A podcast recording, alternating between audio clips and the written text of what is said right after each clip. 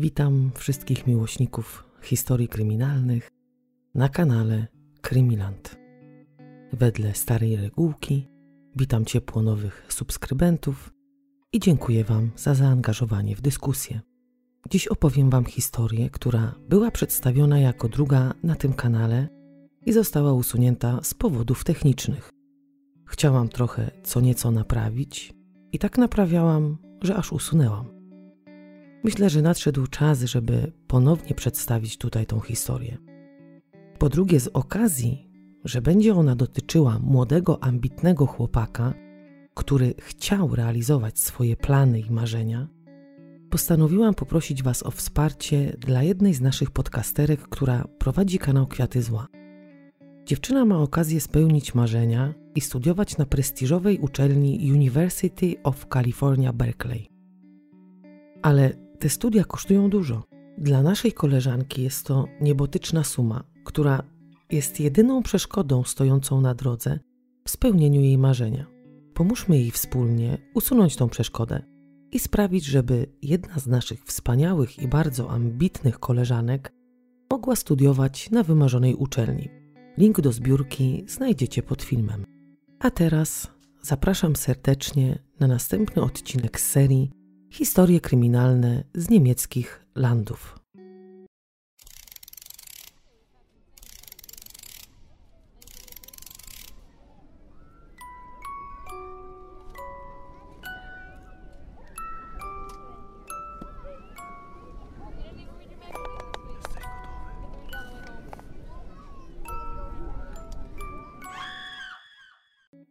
Dzisiejsza opowieść ma swój początek w pięknej, i malowniczej Alzacji. Krainy z zawiłą historią pogranicza, pocianów i domków wyglądających jakby były z piernika. Alzacja to inny świat, przede wszystkim świat wolny, tak twierdzą Alzatczycy. Uważają, że słownie nie da się oddać klimatu tych uliczek, domków, odgłosów cykających świerszczy, jak i śpiewu ptaków. To trzeba zobaczyć, usłyszeć i zakochać się w tej krainie bez pamięci. O Alzację przez ponad 200 lat zaciekle walczyły dwa państwa. Dlatego dziś mówią również o niej, że jest urokliwa po francusku i uporządkowana po niemiecku. Jednym z tych pięknych i urokliwych miasteczek jest Cerne, liczące około 11 tysięcy mieszkańców, czyli naprawdę nieduże. I nawet mianem średniego miasteczka nie można go określić. To właśnie tam młody muzykoterapeuta Pierre Schneider zaczyna pracować z dziećmi chorymi na autyzm. Tam również rozpoczyna się historia miłosna dwójki ludzi, których nie tylko połączyła pasja i działanie na rzecz osób często uważanych przez część społeczeństw za niepotrzebnych, ale połączyło ich również pełne zrozumienie. Znacie pewnie powiedzenie, że ktoś z kimś rozumiał się bez słów. Takie właśnie zrozumienie łączyło duszę Piera i Fabienne. Kobiety, która wkładała wiele serca w pracę z ludźmi, którzy mieli problemy behawioralne, psychiczne, byli niepełnosprawni umysłowo, fizycznie i sensorycznie. Często mówi się, że ludzie piastujący takie stanowiska powinni czuć powołanie, że jeśli nie są skłonni do poświęceń, nie powinni nawet myśleć o podjęciu takiej pracy. Takie powołanie od zawsze czuli Pierre i Fabienne. Pewnie wśród Was są tacy, którzy mogą śmiało powiedzieć, że Wasze drugie połówki to część Waszych dusz, które znalazły się pośród innych w tłumie. Nie da się tego wyjaśnić, nie da się słownie wyjaśnić tego przyciągania, które jak magnes zbliża do siebie bliźniacze dusze. Właśnie takie przyciąganie dało się wyczuć między mężczyzną a kobietą, którzy zakochali się w sobie od pierwszego wejrzenia. No, wielu powie, że nie istnieje coś takiego jak miłość od pierwszego wejrzenia, ale Pierre i Fabienne sami twierdzą, że nie są w stanie tego wyjaśnić. Po prostu zaiskrzyło między nimi, kiedy pierwszy raz mijali się w korytarzu placówki, w której byli pracownikami. Każda zakochana w sobie para w pewnym momencie trwania związku chce go zalegalizować. Więc w tym przypadku również tak się też stało. Fabienne i Pierre pięknej oprawie pobrali się w 1986 roku. Byli szczęśliwi i patrzyli w przyszłość z silnym przekonaniem, że nikt i nic nie będzie w stanie zburzyć ich szczęścia, że będą tworzyć cudowną, wspaniałą rodzinę, w której będzie tylko miłość, zrozumienie i poświęcenie. W 1987 roku ich szczęście pieczętuje przyjście na świat ich pierwszego dziecka, chłopca, w którym również zakochują się od pierwszego wejrzenia. Szczęśliwi rodzice nadają mu imię Yvon. Trzy lata później Pierre otrzymuje intratną propozycję pracy, którą złożył mu dom opieki zajmujący się ludźmi niepełnosprawnymi fizycznie i umysłowo.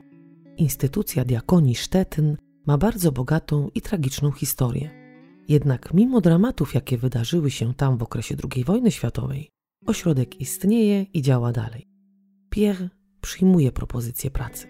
W związku z tym trzyosobowa rodzina postanawia przeprowadzić się do Kernen w Remstal, miejscowości położonej na obrzeżach Stuttgartu. Jednak zanim podjęli tą decyzję, zastanawiali się, jak to wpłynie na ich trzyletniego wówczas syna Yvon. To nie była zmiana miejsca zamieszkania we Francji. Przeprowadzka ta łączyła się ze zmianą języka, zmianą przyzwyczajeń, życia z dala od przyjaciół, rodziny i znajomych. Każdy powie, no, ale przecież dziecko było małe i z pewnością aż tak tego nie odczuło. Jednak rodzice chłopca nie należeli do tych, którzy pochopnie podejmują decyzje, nie bacząc na konsekwencje oderwania dziecka z jego być może dopiero tworzącego się środowiska bo przecież miał dopiero trzylatka. Ale jeśli nastolatkowi jest łatwiej wyjaśnić taką decyzję, to tym trudniej zrobić to z dzieckiem trzyletnim. Ich obawy zostają szybko rozwiane. Chłopiec odnajduje się w nowym środowisku błyskawicznie i równie szybko nawiązuje kontakt z rówieśnikami w przedszkolu, do którego uczęszcza. Iwon jest dzieckiem, które nie potrafi usiedzieć w miejscu. Wszędzie go pełno. W taki sposób poznaje świat. Jego ulubionym miejscem do zabaw są cienie rzucające kwitnące jabłonie. Uwielbiał się tam bawić, biegać, jak i pod nimi leżeć. Próbował wówczas wypatrzeć skrawek nieba między licznym kwieciem, które obsypało to wybrane przez niego drzewo. W domu chłopiec wychowuje się w rytm granych przez ojca utworów na pianinie. Pierre robi to tak często, że Iwon pogwizduje wraz z ojcem do rytmu. Znane są mu utwory Bacha, ukochanego kompozytora Piera, który zawsze powtarzał swemu pierworodnemu, że nie jest łatwo zagrać je na pianinie, że trzeba ćwiczyć latami, trzeba czuć nuty każdym kawałkiem ciała i duszy. Mały wówczas Iwon, pogwizdując w rytm dźwięku wydobywającego się spod palców ojca, wołał: Tato, przecież to jest łatwe. I leciał dalej się bawić. To beztroskie dzieciństwo wylewało się z chłopca z każdym jego uśmiechem. Rodzina zaczęła powoli się rozrastać. Niedługo po przeprowadzce do Niemiec w 1990 roku na świat przychodzi siostra Yvonne Camille. Trzy lata później, czyli w 1993 roku, szczęśliwa rodzina wita na świecie najmłodszego jej członka, Piera Emanuela. Fabien poświęca swój cały czas na wychowanie dzieci strzeże ich bezpieczeństwa, jest w domu dla nich i na każde ich zawołanie. Tego bycia na każde zawołanie dziecka nie można rozumieć w kategoriach, że biedna kobieta została zaprzęgnięta do roboty w domu i wychowania dzieci, zamiast się spełniać w pracy i piąć po szczeblach kariery. Ona to uwielbiała. Ważniejszy dla niej był czas spędzony z dziećmi niż kariera. Można rzec, że była matką również z powołania. Chciała swoim dzieciom poświęcić jak najwięcej czasu, tyle ile będzie w stanie, być przy nich w ważnych chwilach ich życia, wychować na dobrych, pomocnych ludzi. Spełniała się w tej roli. Na dobranoc zawsze czytała swym pociechom bajki, których uwielbiały słuchać. Towarzyszył im zawsze ojciec, który również starał się być z dziećmi, kiedy tylko mógł. Pracował, więc takie chwile, kiedy wszyscy byli w domu, dla rodziny Schneider były najcenniejsze. Rodzinnym, bardzo ważnym rytuałem było wspólne zasiadanie całej rodziny do stołu i spożywanie posiłków przygotowanych przez Fabienne. Nigdy żaden posiłek, jaki konsumowano, nie odbył się bez obecności któregoś z nich. To niby takie szczegóły, na które my w codziennym życiu, w zabieganiu, nie zawsze zwracamy uwagę, ale to właśnie w tych szczegółach tkwi diabeł. Dlatego nigdy nie powinniśmy ich omijać ani lekceważyć. Lata lecą, pociechy rosną. Każde z dzieci z obserwacji matki zaczyna powoli wykazywać jakieś talenty. Więc rodzice robią wszystko, żeby ich pociechy mogły się w tych kierunkach rozwijać. Oczywiście nic na siłę i do niczego ich nie zmuszają. Iwo kocha sport i nim żyje. W wieku siedmiu lat zaczyna uczęszczać się na spotkania młodzików trenujących piłkę ręczną w klubie TV Stettin. Na boisku czuje się jak ryba w wodzie. Świetnie sobie radzi i nie ma sobie równych.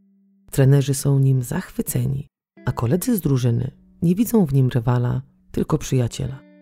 Samo sobie mówi, że jest tak samo Niemcem jak Francuzem, czyli nie czuje jednej, jedynej przynależności do danego społeczeństwa.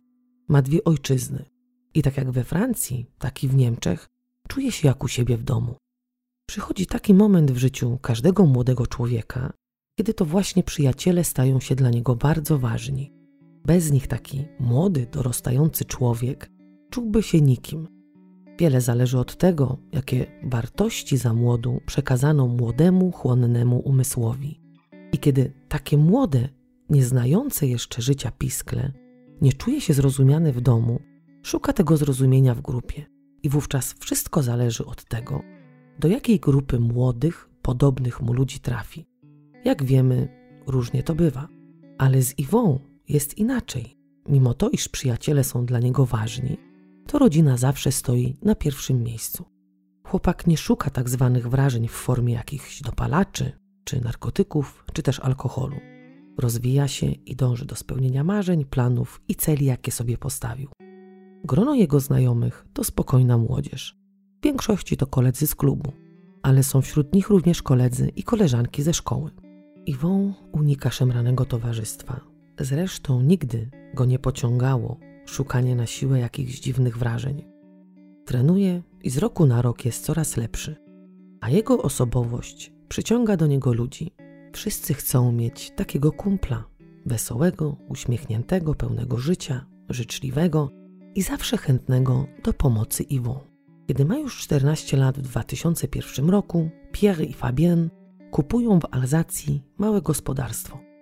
A co za tym idzie, przeprowadzają się ponownie do miejsca, które tak bardzo kochali.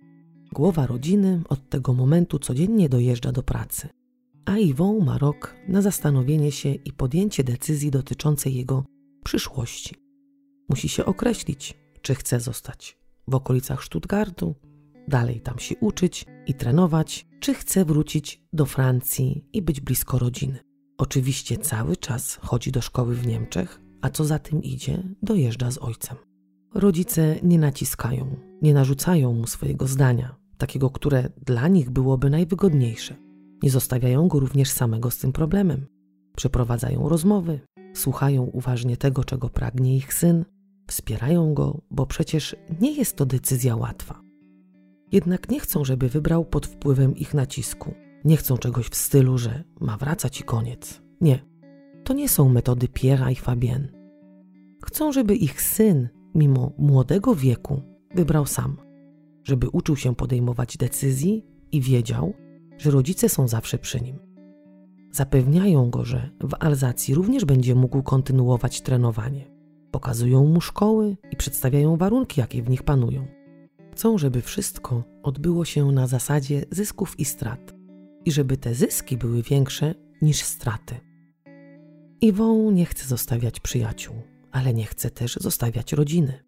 Stoi między młotem a kowadłem, jednak ostatecznie podejmuje decyzję, że chce chodzić do szkoły w Alzacji.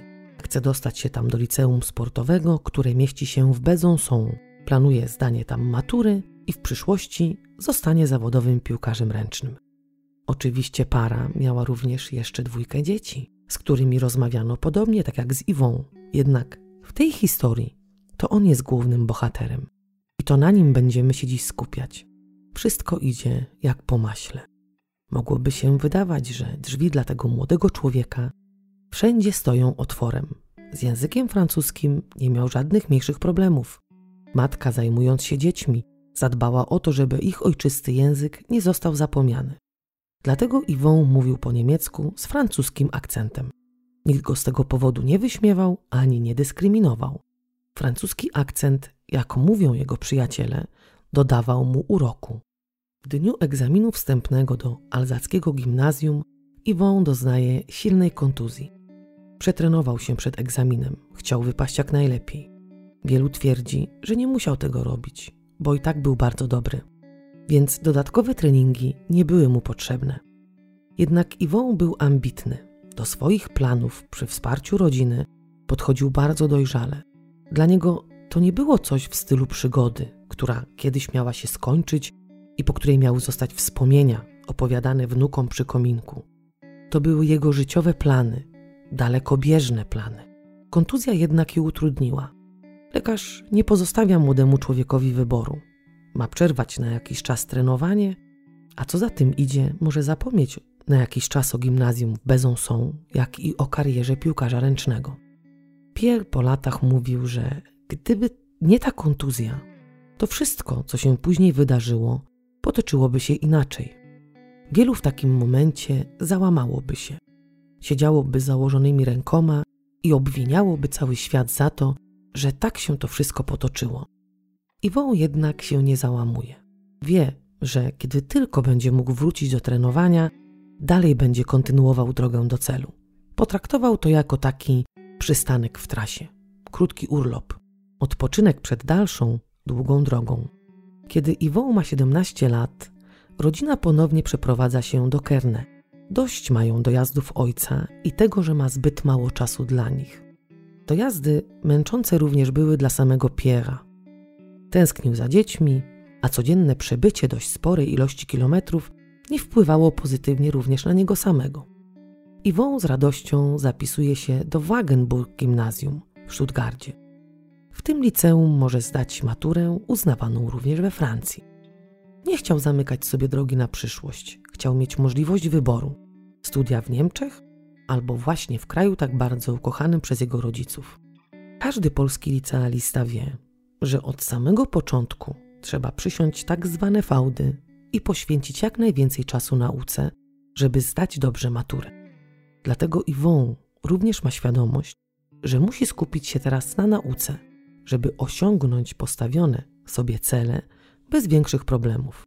Świadectwo ukończenia klasy 12 Fabienne trzyma w specjalnej teczce. Chwali się, że jej najstarszy syn oceny z geografii i historii wyciągnął na piątkę. Matematyka nigdy nie była mocną stroną chłopaka. Kochał historię i politykę. Uwielbiał prowadzić wielogodzinne dyskusje ze swoim ojcem na tematy polityczne. Często nie zgadzał się z ojcem w poglądach. Dzieliła ich duża różnica wieku i doświadczenie życiowe. Ale Iwą i Piera łączyła silna i nierozerwalna więź. Bohater dzisiejszej historii nie porzucił piłki ręcznej. Po zajęciach szkolnych nadal gra w drużynie TV Stettin, ale teraz dodatkowo trenuje młodzików. W międzyczasie chodzi na siłownię, ale nie po to, żeby podobać się dziewczynom. Chodzi tam dlatego, żeby wzmocnić mięśnie i nie doprowadzić do ponownej kontuzji, która w tak kluczowym momencie jego życia pokrzyżowała mu plany. Jest przystojnym, młodym człowiekiem, który powoli stawał się mężczyzną. Na niektórych zdjęciach w rodzinnym albumie wyglądał jak James Dean. Jest popularny wśród rówieśników, a dziewczyny ukradkiem zerkają tęsknym wzrokiem za nim na szkolnym korytarzu. Nie ma żadnych wrogów pomimo francuskiego akcentu. A z siostrą Camille ma bardzo dobry kontakt. Yvon czuje się odpowiedzialny za swoją dorastającą siostrę. Często żartem mówił, że nikt nie powinien myśleć o niej jak o swojej dziewczynie, nawet jego przyjaciele, mimo to, że bezgranicznie im ufał. To jego siostra i każdy potencjalny chłopak będzie musiał najpierw z nim odbyć rozmowę.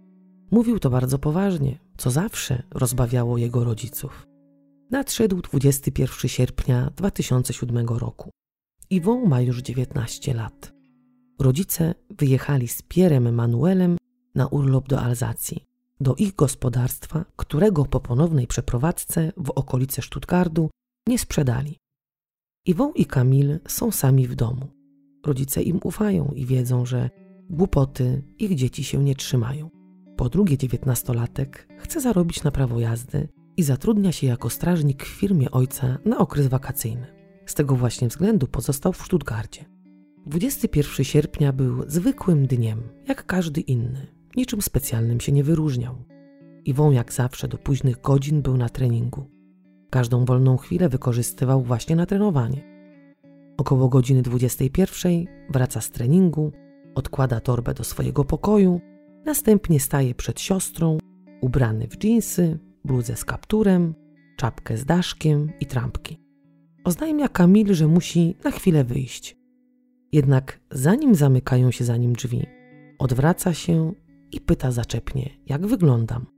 Kamil żartuje, że jest ciemno, to i tak nikt nie będzie go widział i nie będzie widział tego, jak on wygląda, więc może spokojnie iść tak, jak jest ubrany. W tym momencie dzwoni dzwonek do drzwi. Iwon zostawia portfel z dokumentami i wychodzi. Kamil nie pyta brata, o której wróci. Zostawiony portfel wskazuje na to, że nie zamierzał zabawić długo. Następnego ranka szef diakonii Stettin dzwoni do domu rodziny Schneider i pyta, czy Iwon zamierza przyjść do pracy. I jeśli zamierza przyjść, to o której godzinie się pojawi? Ogólnie szef podejrzewał, że młodemu człowiekowi zdarzyło się zaspać. Siostra obejmuje wzrokiem przedpokój. Portfel leżał w tym samym miejscu, gdzie pozostawił go jej brat. Następnie wpada do jego pokoju i widzi, że łóżko jest nietknięte. To może oznaczać tylko jedno, że Iwon tej nocy nie spał w domu. Ogarnia ją niepokój. Nigdy nie zdarzyło się tak, żeby jej brat nie wrócił na noc do domu. Okej, okay, zawsze może być ten pierwszy raz, ale wówczas z pewnością poinformowałby ją o tym jakże istotnym fakcie. Camille, pełna niepokoju, dzwoni do rodziców. Fabienne i Pierre natychmiast wracają do Niemiec i od razu zgłaszają zaginięcie syna. Policjanci znali rodzinę, oczywiście z tej dobrej strony, więc nie zlekceważyli zgłoszenia. Nie mówili matce czy też ojcu, że przecież ich syn jest dorosłym człowiekiem i może robić co chce, być gdzie chce i wrócić kiedy chce. Podeszli poważnie do zgłoszenia. Funkcjonariusze zadali kilka pytań Kamil. Głównie chodziło im o to, czy brat nie zwierzał się jej z kim i dokąd wychodzi. Ta jednak nie potrafiła im odpowiedzieć na to pytanie. Iwą nic jej nie powiedział. Prawdę mówiąc, nawet sama go nie pytała, dokąd i z kim idzie, bo nie przeczuwała nic złego. Przedstawiciele prawa następnie zwrócili się z podobnymi pytaniami do kolegów zaginionego.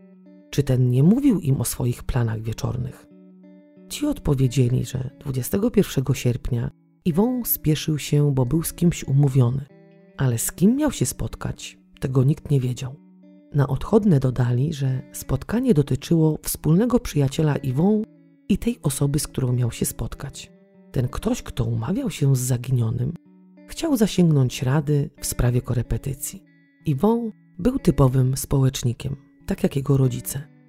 Nigdy nikomu nie odmówił pomocy, dlatego tym razem był również gotów pomóc. Kamil czuła się winna. Obwiniała się, że nie wyjrzała przez okno, żeby zobaczyć, z kim wychodzi brat. Jednak bardzo szanowała jego prywatność i takie spoglądanie czy też podglądanie brata byłoby głupie i dziecinne.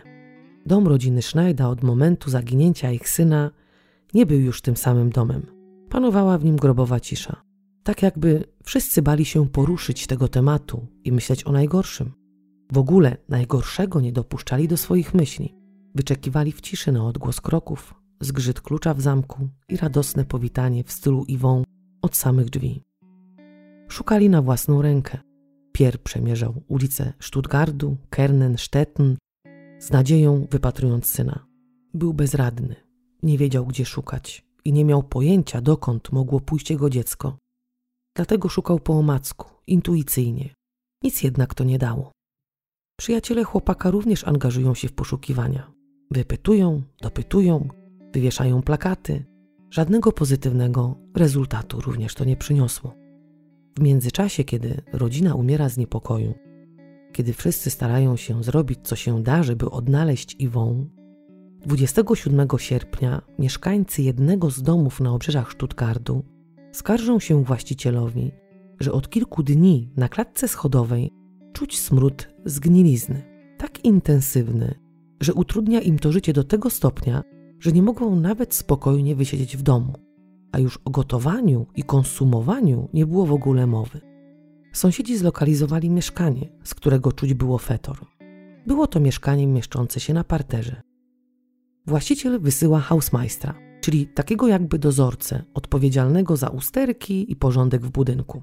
Mężczyzna udaje się do mieszkania, żeby sprawdzić, co jest przyczyną tego smrodu, ale 30 metrów przed drzwiami zaczyna mieć torsję. Także możemy sobie tylko wyobrazić, jak intensywny był to smród. Nie wchodzi do mieszkania, ale wzywa policję i straż pożarną. Strażacy wyważają drzwi. Smród gryzie ich nozdrza. Z radia sączy się muzyka, tak jakby właściciel miał zaraz wrócić.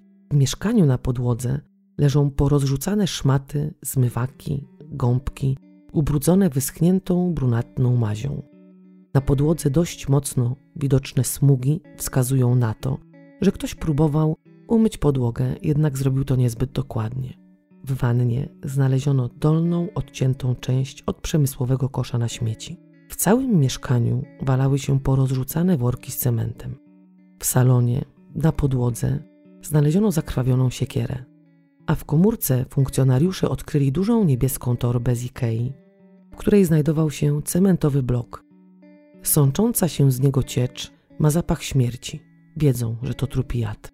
Nad cementowym blokiem unosiła się chmara much. W mieszkaniu oprócz obrzydliwego fetoru czuć było amoniak. Policja dość szybko namierza najemczynię mieszkania, która przebywała u swojej matki w innej dzielnicy Stuttgartu. Następnie dokonują aresztowania. Najemczyni Lajlaka jest w szoku. Nie wie nic na temat tego, co też mogło się w jej domu wydarzyć. Tłumaczy śledczym, że od tygodnia przebywa u matki, a mieszkanie zostawiła w stanie nieskazitelnej czystości. Może ktoś się włamał i urządził tam sobie pod jej nieobecność jakąś jatkę. Jednak śledczy nie są w ciemię bici, nie odpuszczają i uświadamiają ją, jakie konsekwencje może ponieść. Wówczas nagle przypomniała sobie, że z mieszkania podczas jej nieobecności korzystał jej chłopak Kajetan Borys Marks wraz z przyjacielem. Policja natychmiast aresztuje 23-letniego Kaja i 18-letniego Denica. W międzyczasie w mieszkaniu Lajlika trwają oględziny.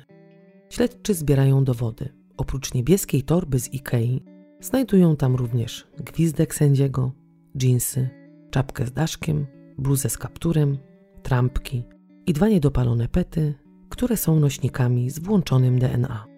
Śledczy działają szybko. Po znalezieniu dowodów, przesłuchaniu aresztowanych, następnego dnia pukają do drzwi rodziny Schneider. Siostra Iwą, jak sama twierdzi, nigdy nie zapomni tego dnia, który dla całej rodziny okazał się najgorszym w ich życiu.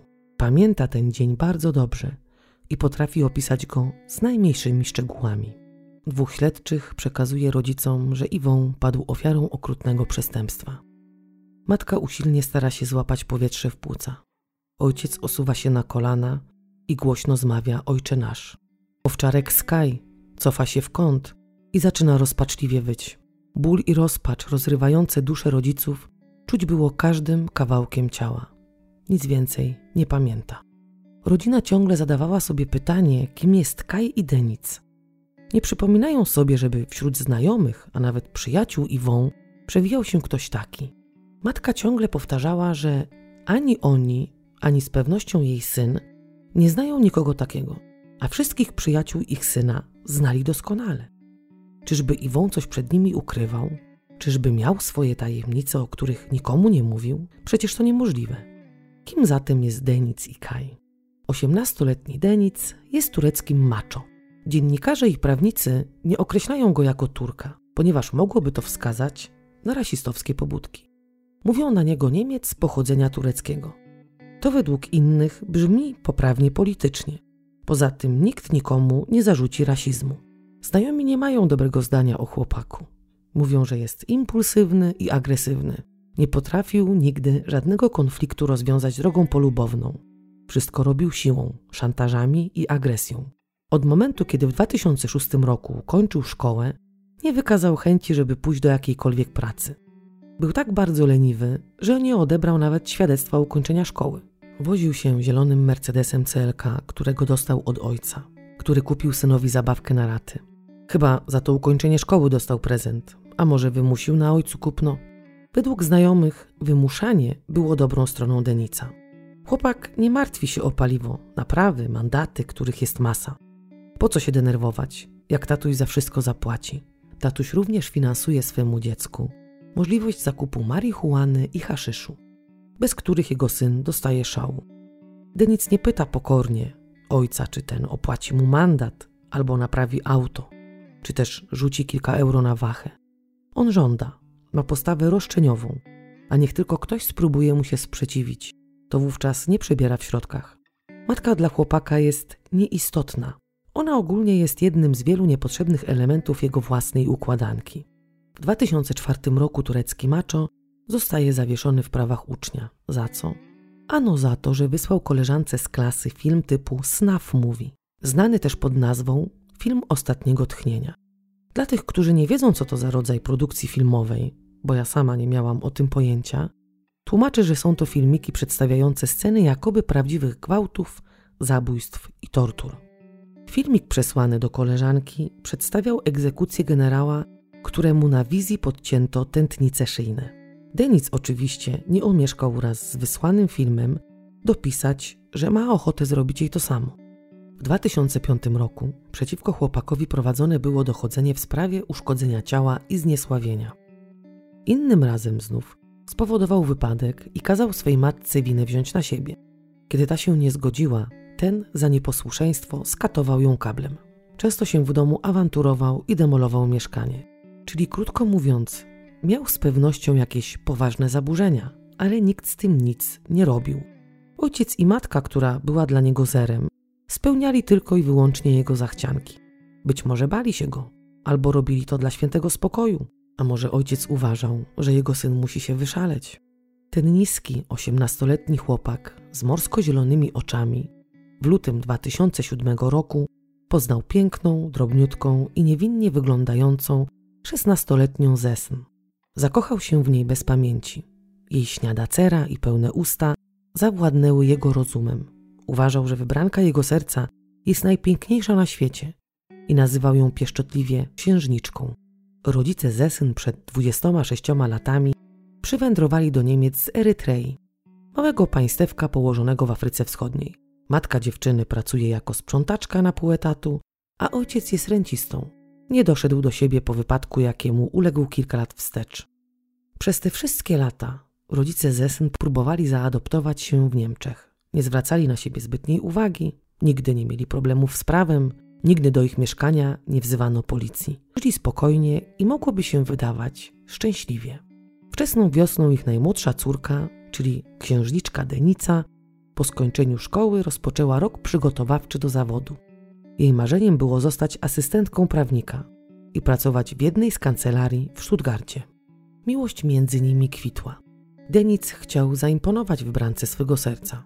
Woził ją swoim Mercedesem CLK, obrzucał prezentami ze sklepu ojca, co oczywiście szesnastolatce bardzo imponowało. Czuła się wyjątkowo i była w centrum uwagi. A co najważniejsze, zdobyła upragniony prestiż wśród znajomych. Podziwiali ją, a także patrzyli często zazdrosnym wzrokiem. Koledzy osiemnastolatka twierdzili znów, że ten całkowicie sfiksował na punkcie młodej dziewczyny. O co tak szalał turecki macho? Ano o to, że kiedyś podczas rozmowy przed skonsumowaniem związku Zesyn powiedziała wybrankowi swego serca, że jest dziewicą i nigdy tego typu rzeczy z nikim nie robiła. Ogólnie ona nie wiedziała, jak to się robi i bardzo bała się zbliżenia z Denicem. Kiedy przyszło co do czego i zakochani skonsumowali swój związek, okazało się, że z tym dziewictwem dziewczyna mocno przesadziła.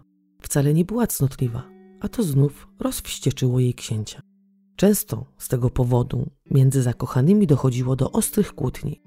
Chłopak nie mógł się pogodzić z tym, że ktoś w ogóle ruszył, jak śmiał ruszyć jego księżniczkę. W ogóle nie mógł pojąć tego, że ona nie poczekała na niego z pierwszym trzymaniem się za ręce, pierwszymi pocałunkami, pierwszym seksem. Powinna przecież wiedzieć, że na horyzoncie pojawi się turecki książę, który właśnie ją wybierze jako swą księżniczkę i powinna z tym poczekać. Powinna przede wszystkim to przewidzieć. A to dlaczego tego nie przewidziała, było dla Denica całkiem niezrozumiałe. To nie dawało mu spokoju. Dostawał szału i demolował mieszkanie. Często również bił swą księżniczkę, wyzywając ją na czym świat stoi. Pominę już fakt, że sam zanim ją poznał, pozwalał sobie ostro na lewo i prawo, nie trzymając dziewictwa dla wybranki swego serca. Sama myśl, że ktoś dotykał jego anioła, całował i trzymał ją za rękę, doprowadzała go do białej gorączki.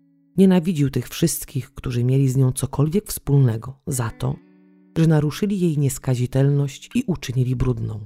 Przyjaciele młodego, porywczego człowieka próbowali tłumaczyć mu, że przecież to, co było przed rozpoczęciem ich związku, nie powinno być w ogóle istotne, nie powinno być ważne.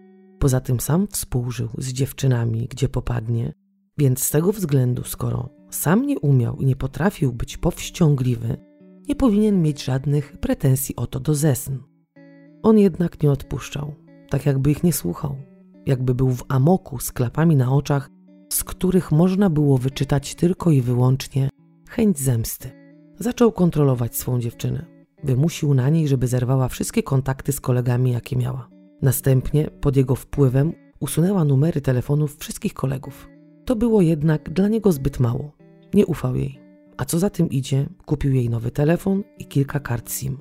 Zabronił oczywiście Zesn podawać nowego numeru komukolwiek, nawet koleżankom.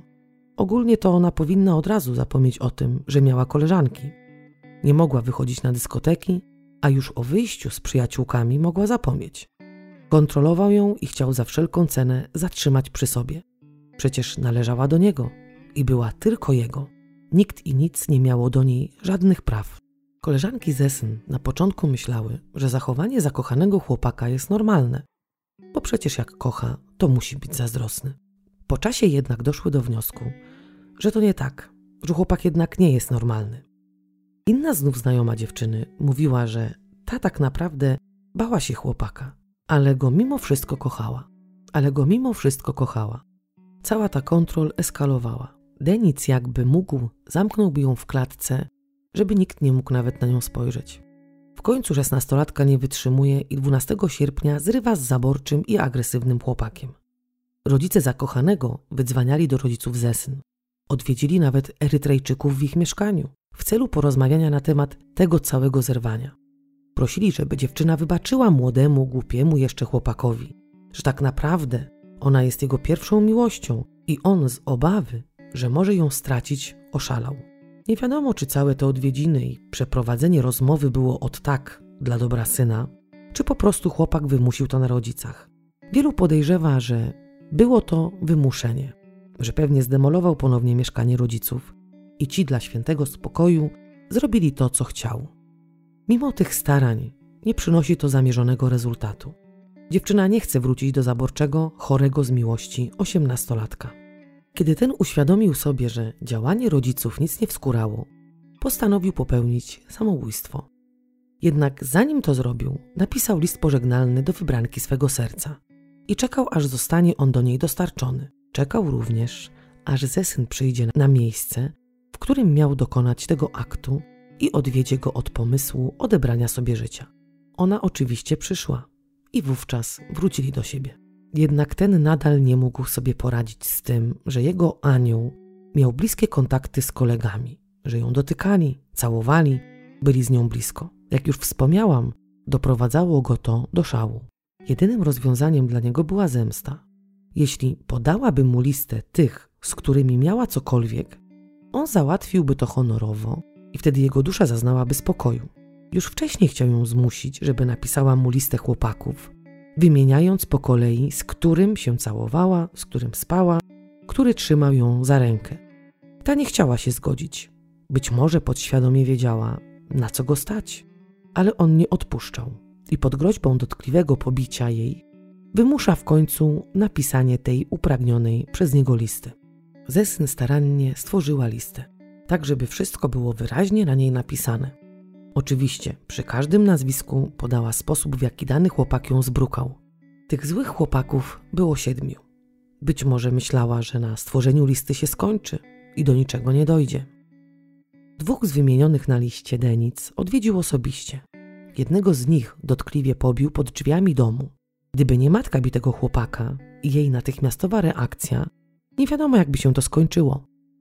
Drugiego nie udało mu się tknąć, ponieważ ten nie otworzył mu drzwi. Ale w liście był taki, który spędzał sens powiek rozwścieczonego tureckiego maczo. To przy jego nazwisku Zesyn napisała, cytuję, rozdziewiczył mnie wbrew mojej woli. Chłopakiem widniejącym na liście stworzonej przez dziewczynę i tym, który ją rzekomo zgwałcił, był Iwon Schneider. On był zapisany jako pierwszy na liście.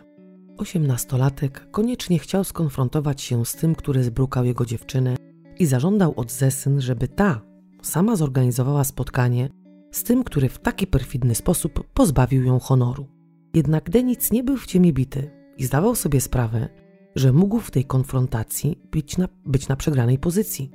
Dlatego poprosił swojego przyjaciela Romana K. o to, żeby ten pomógł mu rozprawić się z gwałcicielem.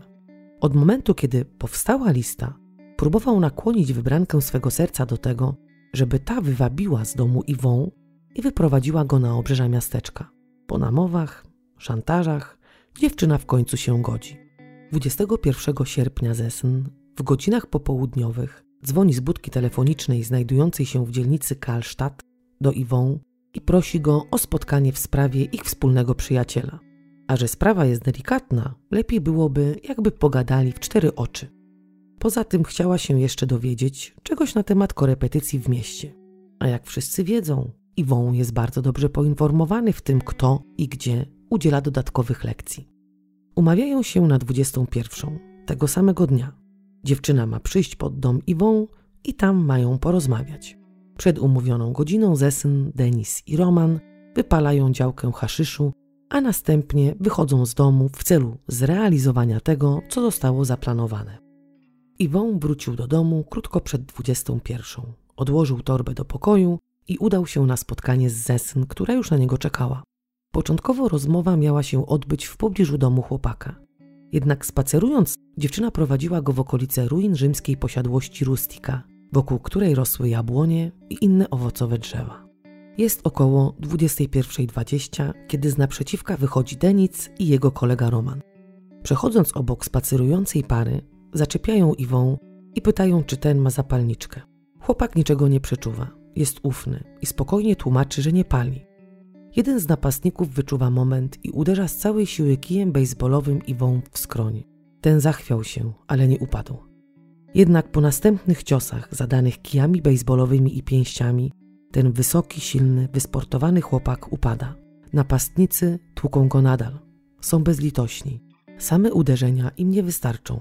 Denic skacze obiema stopami po klatce piersiowej, głowie i jądrach ofiary, jednocześnie krzycząc w stronę stojącej nieopodal Zesyn Robię to wszystko dla ciebie. Czy teraz rozumiesz, jak bardzo cię kocham? Dziewczyna stoi i prawdopodobnie płacze. Wybranek jej serca, a zarazem oprawca, co chwilę podchodzi do niej, obejmuje ją i całuje. Następnie wraca do leżącego Iwą i kontynuuje to, co zaczęli wraz z Romanem. Teraz Zesyn może w końcu zobaczyć, jak wielka jest miłość Denica, którą ją darzy. Pewnym momencie emocje opadają, a napastnicy uświadamiają sobie, że Iwon już nie oddycha. Pakują ciało zmasakrowanego chłopaka do bagażnika Mercedesa i wywożą go do magazynu ojca osiemnastolatka. Porzucają ciało w oddzielnym pomieszczeniu, do którego nikt nigdy nie zagląda. Nawet ojciec sprawcy. Po tym wszystkim wracają do domu Kajetana, jak gdyby nigdy nic się nie stało. Oglądają filmy, palą marihuanę i jedzą popcorn.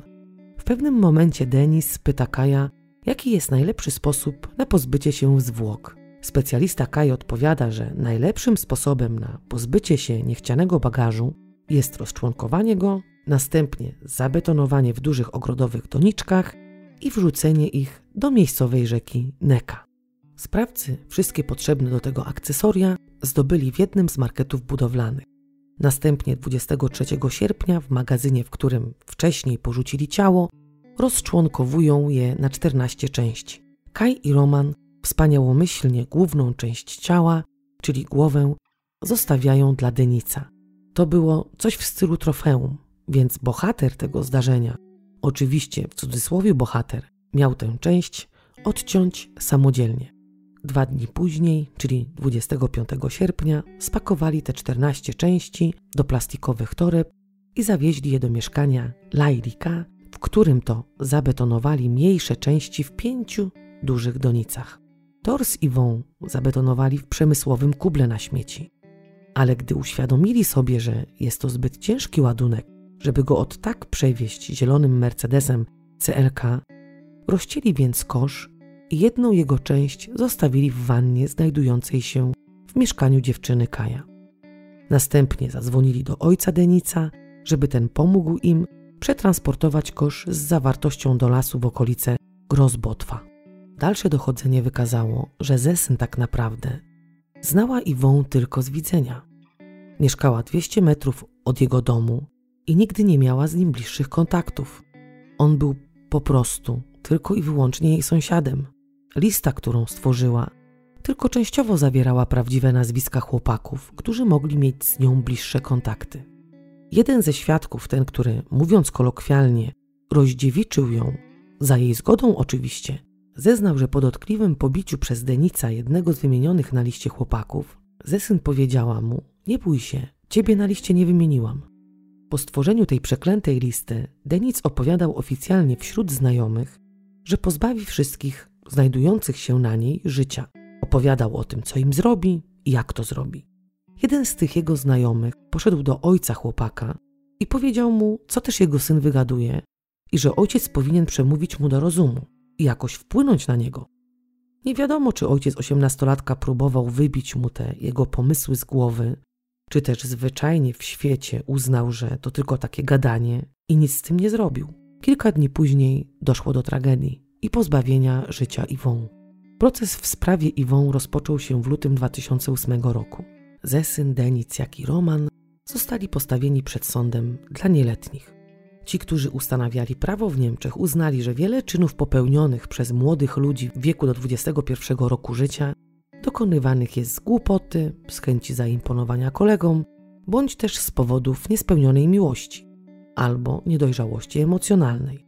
Dlatego mądre głowy uznały, że nie należy tych młodych ludzi piętnować i skazywać na wieczne więzienia, tylko porządnie ich zresocjalizować, zapewnić im opiekę psychologów i dać im jeszcze raz szansę. Oczywiście można odstąpić od tego przepisu w momentach, kiedy zbrodnia jest brutalna i popełniona została bez żadnego motywu. Najwyższym wyrokiem w sądzie dla nieletnich jest 10 lat pozbawienia wolności. Z reguły przy dobrym sprawowaniu sprawcy wychodzą po odbyciu 3 czwartej kary, często po 6-7 latach. Sądy niemieckie skupiają się nie na karaniu, ale na zapobieganiu. W ich pojęciu nic nie da zamknięcie człowieka na dożywocie i utrzymywanie go. Według przedstawicieli prawa wielu z tych młodocianych przestępców można jeszcze w jakiś sposób wyprostować. W dzień rozprawy przed sądem rejonowym w Stuttgarcie około 50 przyjaciół i znajomych Iwą przybyło około godzinę przed rozpoczęciem rozprawy. Ubrani w czarne bluzy z napisem na przedzie Przemoc nie jest rozwiązaniem i z numerem 10 na plecach. Z takim numerem na koszulce grał Iwą. Stowarzyszenie pod nazwą Inicjatywa Iwą Schneider napisało petycję do przedstawicieli prawa, która zawierała między innymi uzasadnienie takiej treści. Pomysł, że rodzice będą musieli stawić czoła mordercy swego dziecka po zaledwie kilku latach, byłoby nie do zniesienia dla nich, dla nas i dla każdego obywatela, który ma poczucie sprawiedliwości. Pod petycją, która między innymi prosiła o postawienie sprawców przed sądem dla dorosłych i skazanie ich na dożywotnie więzienia za to, co zrobili Iwą, zebrano ponad 17 tysięcy podpisów. Przewodniczący składu sędziowskiego przemówił do manifestujących, mówiąc: Jesteśmy zobowiązani przestrzegać prawa. Nie mamy w tej kwestii wolności wyboru.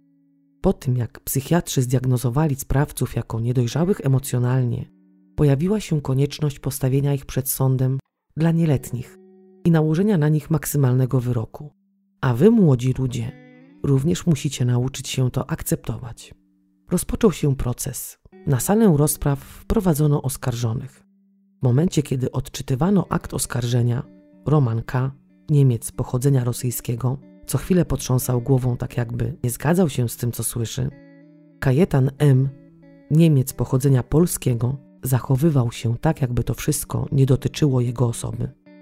Denic E., Niemiec pochodzenia tureckiego, z założonym kapturem na głowę siedział bez ruchu, a Zesm, Niemka pochodzenia erytrejskiego, próbowała się ukryć za dość wysokim golfem przed świdrującym wzrokiem ojca Iwą.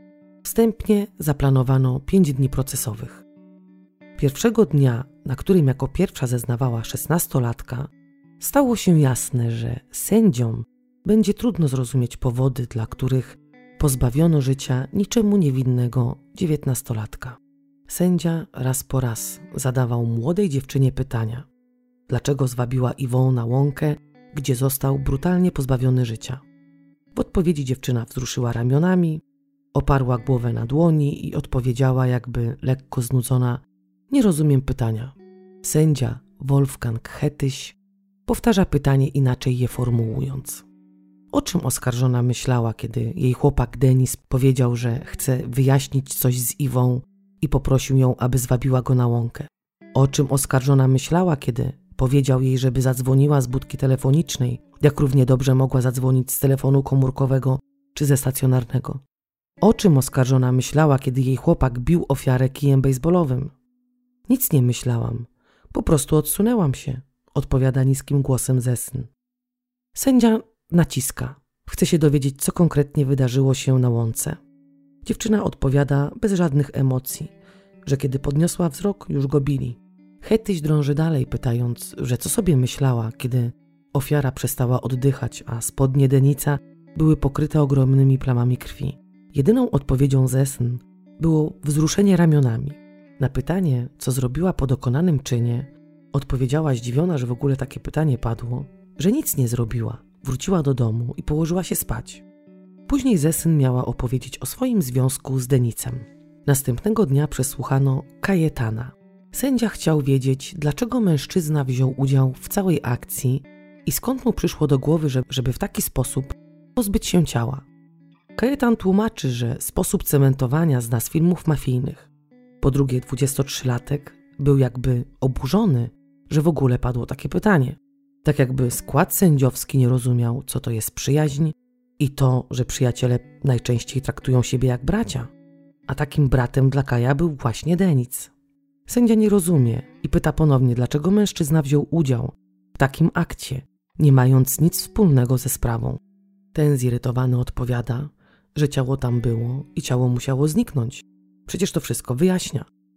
Sędzia lekko oszołomiony tłumaczy, że okej, okay, on rozumie, że w sytuacjach awaryjnych pomaga się przyjacielowi, ale tutaj chodziło o pozbawienie życia człowieka, o zbezczeszczenie jego zwłok. Wówczas Kai spokojnym krokiem podszedł do sędziego i wyjaśnił: Wyobraź sobie, że wchodzisz na halę magazynu i widzisz zwłoki. Nie pytasz, co się stało, nie pytasz, dlaczego się to stało, tylko działasz. To może być dla ciebie dziwne, ale ja jestem lojalny wobec swoich przyjaciół. Oskarżyciel podał w wątpliwość to, że Kai nie miał w ogóle pojęcia, że jego przyjaciel dokona zbrodni, ponieważ pojawił się świadek, który twierdzi, że Polak planował wraz z osiemnastolatkami całą akcję i to właśnie on poradził chłopakom, w jaki sposób mają pozbawić Iwą życia. Kaj oczywiście zaprzeczył, żeby to miało miejsce. Nie miał nic do ofiary i nie miał powodów, żeby planować wszystko i być mózgiem całej operacji. 23-latek tak się rozbujał w zeznaniach i opowiadał jak, opowiadał, jak to wspaniałomyślnie po wszystkim obiecał Denicowi, że weźmie to na siebie, że przyzna się do popełnienia tego czynu, żeby chronić przyjaciela i żeby ten mógł szczęśliwie żyć ze swą wybranką. Sędzia ostrzega pewnego siebie Polaka, że jest jedynym dorosłym w grupie oskarżonych i skazanie go na dożywocie przed sądem dla dorosłych to tylko kwestia czasu. Ogólnie sam przewodniczący składu sędziowskiego podejrzewał, że mężczyzna kręci, że chce zachować twarz przed swymi przyjaciółmi, ale tak naprawdę to właśnie on był głównym dowodzącym w tej całej operacji. W tym momencie Polak spuszcza stonu i tłumaczy, że chciał uchronić przyjaciela przed więzieniem, ponieważ doskonale wiedział, że ten sobie nie poradzi za kratkami. Następnie zmienia temat i mówi o związku Denica i Zesn. Sam Denic siedział na sali nic nie mówiąc.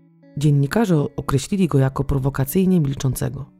Kiedy przyszła jego kolej na zeznania, widocznie pouczony przez adwokata powiedział: Przepraszam, sam nie potrafię tego wyjaśnić.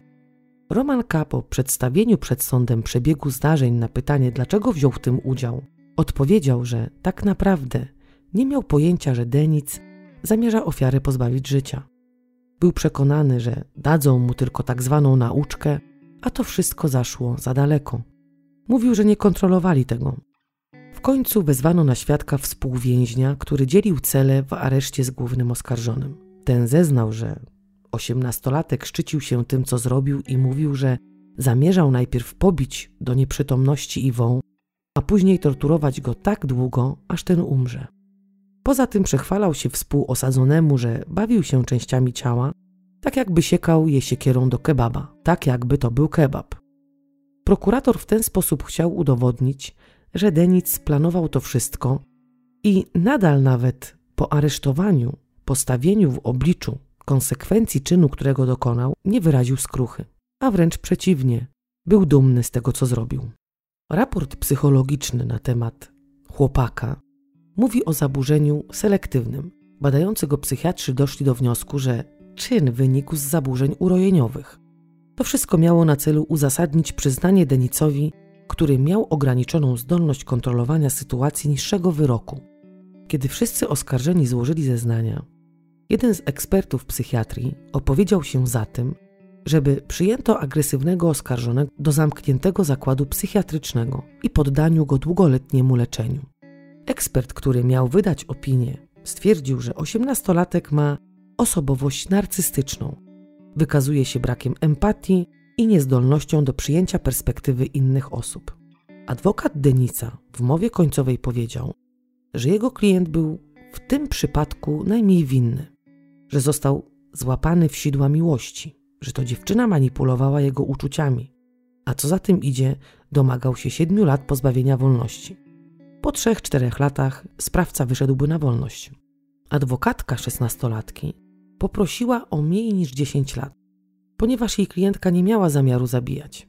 Natomiast adwokat Romana powiedział, że jego klient w przeciwieństwie do innych przyznał się do dokonanego czynu, nie mataczył, nie udawał, a co najważniejsze, zdaje sobie sprawę z tego, co zrobił jaką krzywdę wyrządził rodzinie ofiary. Dlatego wnosi o mniej niż 10 lat pozbawienia wolności. W trakcie zeznań oskarżonych, relacjonujących to, co się wydarzyło tego dnia, rodzice Iwą, pomimo iż wiedzieli, co zrobiono ich dziecku, wychodzili z sali rozpraw.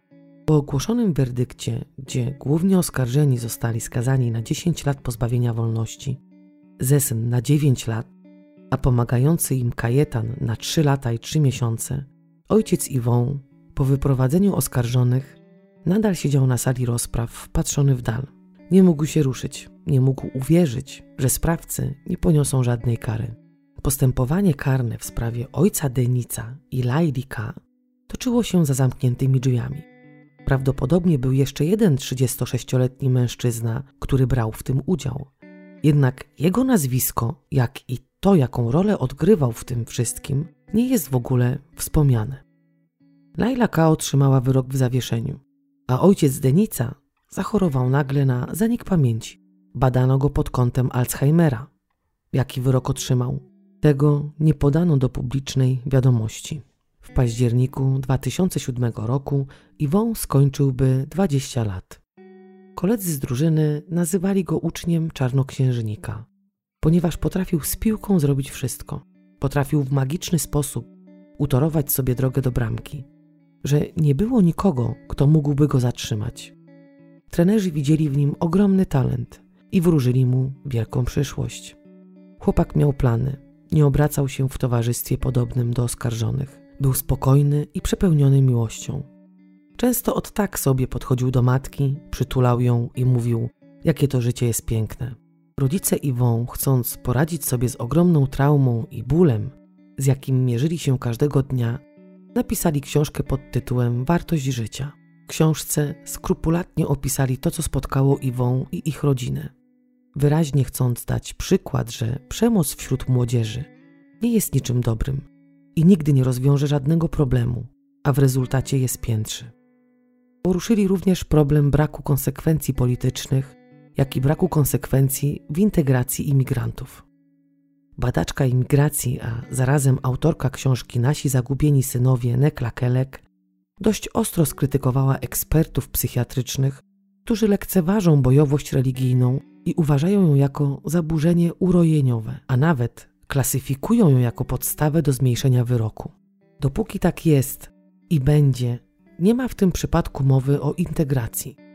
Zdarza się tak, że ustawa prawna, która stawia przed sądem dla nieletnich osoby do 21 roku życia, jest wykorzystywana przez innych muzułmanów popełniających zabójstwa honorowe.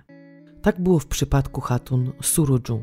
7 lutego 2005 roku 23-letnia Hatun została zamordowana przez swojego najmłodszego brata trzema strzałami w głowę na przystanku autobusowym w Tempelhof.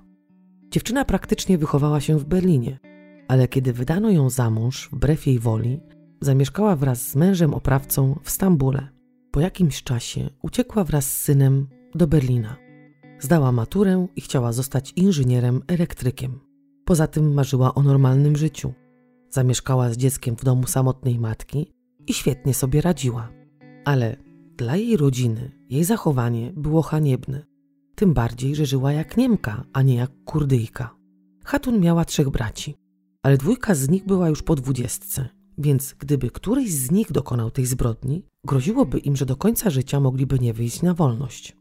Cwaniaki wiedzieli, jakie są przepisy prawne i przekalkulowali sobie, że najlepszym do tego zadania będzie ich najmłodszy brat, który wówczas miał 18 lat. Zaznaczam, że wszyscy urodzili się w Niemczech. Poza tym rodzice również byli za tym, żeby nieposłuszną córkę, która zhańbiła rodzinę, ukarać w taki sposób. Sprawca został wówczas skazany na 9 lat i 3 miesiące pozbawienia wolności. Badaczka uważa, że koncepcja wielokulturowości zawiodła. Do tego jest przekonana, że Denis został wychowany w duchu szariatu, muzułmańskiego systemu prawnego, zgodnie z którym mężczyźni uważają, że czystość ich sióstr, żon i matek nie może być naruszona w żaden sposób. Denic uważał Zesyn za swoją własność, której czystość została splamiona i zhańbiona przez niemieckich chłopaków.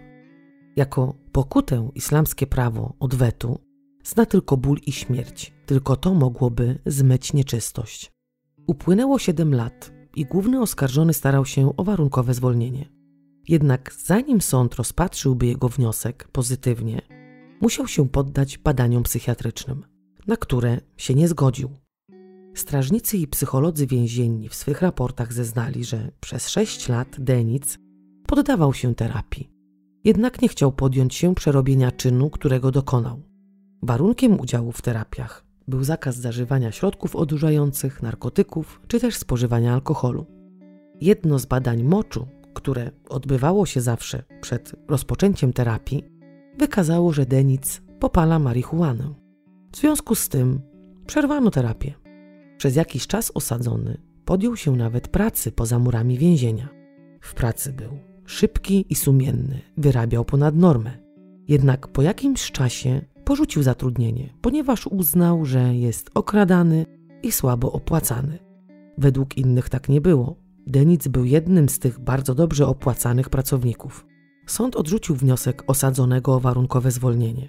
Powodem tej decyzji było to, że sprawca nie podjął się przerobienia pod okiem psychologa, czynu którego dokonał. Oskarżony jednak nie odpuszczał. Odwoływał się, bo on sam wie, że zrobił źle. Swoje odsiedział i sąd powinien go zwolnić. Bójki, w które się wdawał w więzieniu, nie powstawały z jego przyczyny. Zaczynali zawsze współwięźniowie, a on był spokojny i nie wadził nikomu. Sąd odrzucał każde kolejne odwołanie, aż pewnego dnia złożono mu propozycję deportacji do Turcji. Ten się bardzo oburzył i stwierdził, że urodził się w Niemczech i nie zna tureckiego. Nie zna kraju, do którego chcą go wysłać. Więc ze strony przedstawicieli prawa byłoby to nieludzkie, gdyby go tam wysłali. Na rozprawie adwokat Denica, chcąc poprzeć swego klienta, Mówi, że to prawda, że nieludzkim byłoby postąpić z osadzonym w taki sposób. Chciał jeszcze coś tam dodać, ale Denic niespodziewanie wszedł mu w słowo i powiedział, że w sumie to on się zgadza na tą deportację, ale żeby to się udało, muszą wraz z nim deportować jego rodziców. Dla ojca sprawcy to, co usłyszał, było szokiem. Na przerwie w rozprawie wrzeszczał na swego jedynaka, że dlaczego robi to jemu i matce, że sam przyjechał do Niemiec mając 17 lat i nie odnalazłby się teraz w tym wieku w Turcji. No cóż, chciał, nie chciał, Denic musiał zostać w więzieniu i odbyć wyrok do końca. Minęło 10 lat, a strażnicy więzienni i psycholodzy musieli wydać opinię. Według nich Denic w więzieniu stwarzał zagrożenie dla samego siebie i innych współwięźniów. I bardzo prawdopodobnym byłoby to, że mógłby ponownie dopuścić się czynu, jakiego dokonał w 2007 roku, gdyby wypuszczono go na wolność. Postanowiono osadzonego zatrzymać w areszcie prewencyjnym, ale jak wiadomo, w takim areszcie nie mógł siedzieć w nieskończoność. Dorosły już sprawca kipiał z wściekłości. Mówił, że jego przyjaciele już dawno chodzą na wolności, a on musi nadal przebywać w więzieniu, że odsiedział to, co miał odsiedzieć i powinni go wypuścić, że sąd niemiecki poddaje go torturom. Sąd jednak chciał mieć pewność, czy nie dojdzie do podobnego czynu, jeśli wypuszczą Denica. W związku z tym poproszono o raport opisujący ostatnie lata pobytu w więzieniu aresztowanego. Z raportu wynikało, że Denic doprowadzał do ostateczności nie, nie tylko strażników więziennych, ale również współwięźniów. Nocami, bo za dnia spał, ramę z pryczy traktował jako hankle i rzucał nią o posadzkę celi. Posiadał w jakiś sposób zmanipulowany czajnik elektryczny, który po włączeniu powodował zwarcie i ci więźniowie, którzy oglądali filmy albo czytali książki w celi, musieli siedzieć w ciemnościach. Wymuszał na strażnikach podawanie mu leków, których ci nie mieli możliwości zdobyć. Wówczas wściekły naciskał dzwonek alarmowy co 30 sekund do godziny czwartej rano. Materac z pryczy opierał o ścianę i uderzał w niego. Ćwiczył nocą. Te jego treningi trwały do rana, co znów przeszkadzało współosadzonym znajdującym się w sąsiednich celach. Jeden z jego sąsiadów oznajmił strażnikowi, że jeśli Denic nie przestanie robić w nocy bam-bam, wówczas on rano zrobi bam-bam jego głową o ścianę. Wielokrotnie był zamykany w izolatkach, które demolował. Wyrywał ze ścian zlewy. Trzy z tych izolatek nie nadawały się do użytku i musiały pozostać całkowicie zamknięte. Szantażował strażników, że jeśli nie zrobią tego czy tamtego, to on zrobi to i to. Wielokrotnie ciął się brzytwą na znak, że chce popełnić samobójstwo. Jednak cięcia nie były głębokie i nie zagrażały jego życiu. W napadach szału walił pięściami w drzwi i ściany celi tak mocno, że jego dłonie były spuchnięte do tego stopnia, że nie mógł utrzymać kubka. Wiele razy ogłaszał strajk głodowy, który nie trwał długo.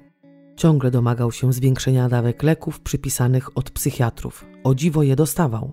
Dawki momentami były tak duże, że osadzony nie mógł podnieść się o własnych siłach spryczy. Prowokował współosadzonych i raz został przez nich dotkliwie pobity. Na pytanie, dlaczego to zrobili, odpowiedzieli, że należało mu się. Bardzo często wdawał się w bójki, w których oczywiście dostawał łomot. Zamykano go w izolatkach, mając na celu ochronę osadzonego, ponieważ więźniowie donosili, że może stać mu się kuku. Dla nas, ludzi, zwykłych zjadaczy chleba, byłoby jasne, że delikwent nie powinien wyjść na wolność. Jednak opinie biegłych, pomimo tych raportów, bardzo różniły się od siebie. Jeden z nich stwierdził, że osadzony jest już w takim wieku, którym nie popełnia się głupot przypisanych młodości. Według tego eksperta Denic nie stwarzał już zagrożenia i z pewnością nie popełniłby już czynu, za który został oskarżony. Ten specjalista zarzucał systemowi więziennemu, że nie starali się pomóc osadzonemu, który wykazywał chęci do współpracy. Inny znów stwierdził, że Denic w żadnym wypadku nie powinien zostać wypuszczony na wolność, że powinno się go zamknąć w zakładzie psychiatrycznym i poddać długoletniemu leczeniu. Sąd w obliczu tak różnych opinii nie bardzo wiedział, co zrobić i jak postąpić z osadzonym. To zapobieganie, o którym tak głoszą, nie zdało w tym przypadku żadnego rezultatu. Nie mieli podstaw przetrzymywać go w areszcie, ale mieli również świadomość, że jeśli wypuszczą go na wolność, on ponownie popełni podobny czyn. Ostatecznie, nie pytając już Denica, czy chce, czy też nie chce, podjęto decyzję deportacji go do Turcji. Jednak cała ta papierologia i współpraca z państwem, do, do którego mieli odesłać osadzonego, opóźniła moment odlotu przez kilka miesięcy. Ale żeby go nie wypuszczać i żeby do tego czasu nie przebywał na wolności wśród ludzi, zamknięto go w zakładzie psychiatrycznym. W 2019 roku w końcu deportowano osadzonego do ojczyzny jego dziadków i zakazano mu wjazdu do Niemiec przez okres 10 lat. Nic nie wiadomo na temat tego, czy wraz z Denicem do Turcji wrócili również jego rodzice. Czyn, jaki dokonano na Iwą, został okrzyknięty zabójstwem honorowym. Miejsce, w którym niewinny chłopak wydał z siebie ostatnie tchnienie, jest dość często odwiedzany w dzień jego śmierci, jak i dzień jego urodzin przez jego przyjaciół i znajomych. Ludzie, dla których Iwą był bliski, spotykają się tam po to, żeby powspominać wspólnie swojego przyjaciela. Nie mówią o tym, jak pozbawiono go życia. Bliscy w swych wyobrażeniach widzą jego przyszłość i to, jakby ona wyglądała, gdyby żył. Jak już wspomniałam na samym początku, Iwą jako dziecko uwielbiał bawić się w cieniu kwitnących jabłoni. Ironią losu jest to, że pod jedną z nich brutalnie odebrano mu życie. Przyjaciele obok miejsca, w którym dziewiętnastolatek wydał ostatnie tchnienie, posadzili jabłoń i zawiesili na niej olaminowaną kartkę, na której stoi. To ja jabłoń. Byłam świadkiem śmierci Iwą. Słyszałam, jak krzyczy: Zostawcie mnie, czego ode mnie chcecie, co ja wam zrobiłem. To ja mu towarzyszyłam w ostatniej jego wędrówce. Śmierć dziewiętnastolatka zniszczyła wszystko. Pierre, siedząc przy dużym stole, przy którym rodzina wspólnie jadała posiłki, mówi: Była nas piątka szczęśliwych, nic nie przeczuwających ludzi. Teraz jest nas czworo. Zniszczono nas i naszą rodzinę. Matka, wpatrzona tempo w blat stołu, dodaje: Codziennie jestem wściekła, codziennie jestem smutna. Pokryjomu płaczę, choć wiem, że czasem moi bliscy to widzą. Nie zawsze uda mi się ukryć rozpacz, która rozrywa me serce. Próbuję się uśmiechać, próbuję żyć normalnie, bo przecież mamy jeszcze dwójkę dzieci, dla których życie powinno toczyć się dalej. Jednak nie zawsze czuję się na siłach. Koszulka Iwą wraz z numerem 10, jego zdjęcie i coś na wzór czarodziejskiej różdżki wisi w kablocie na jednej ze ścian klubu TV Stettin. Jeden z kolegów pisze pod filmem stworzonym przez przyjaciół chłopaka. Niedługo minie 10 lat i nie ma dnia, żebym o tobie nie myślał. Wszyscy za tobą bardzo tęsknimy. Mam nadzieję, że u ciebie wszystko w porządku, przyjacielu. Twój numer 10 nadal wisi w klubie, tak jakby na ciebie czekał. Pierre i Fabien wraz z inicjatywą Iwą walczą o zmianę przepisów w systemie sądownictwa. Nie chcą, żeby imię syna zostało zapomniane. Zachowują te dobre i wspaniałe wspomnienia. Nie mówią o momencie jego śmierci i o tym, jak zostało potraktowane jego ciało. Nie mogli jednak już dłużej mieszkać w Niemczech. Po jakimś czasie wyprowadzili się wraz z dziećmi do Alzacji. Dobrnęliśmy do końca tej historii, która w sercach wielu ludzi pozostanie żywa na zawsze. Jestem ciekawa, co sądzicie o tej sprawie, jakie emocje na Was wywarła. Życzę Wam wszystkiego dobrego i do usłyszenia wkrótce.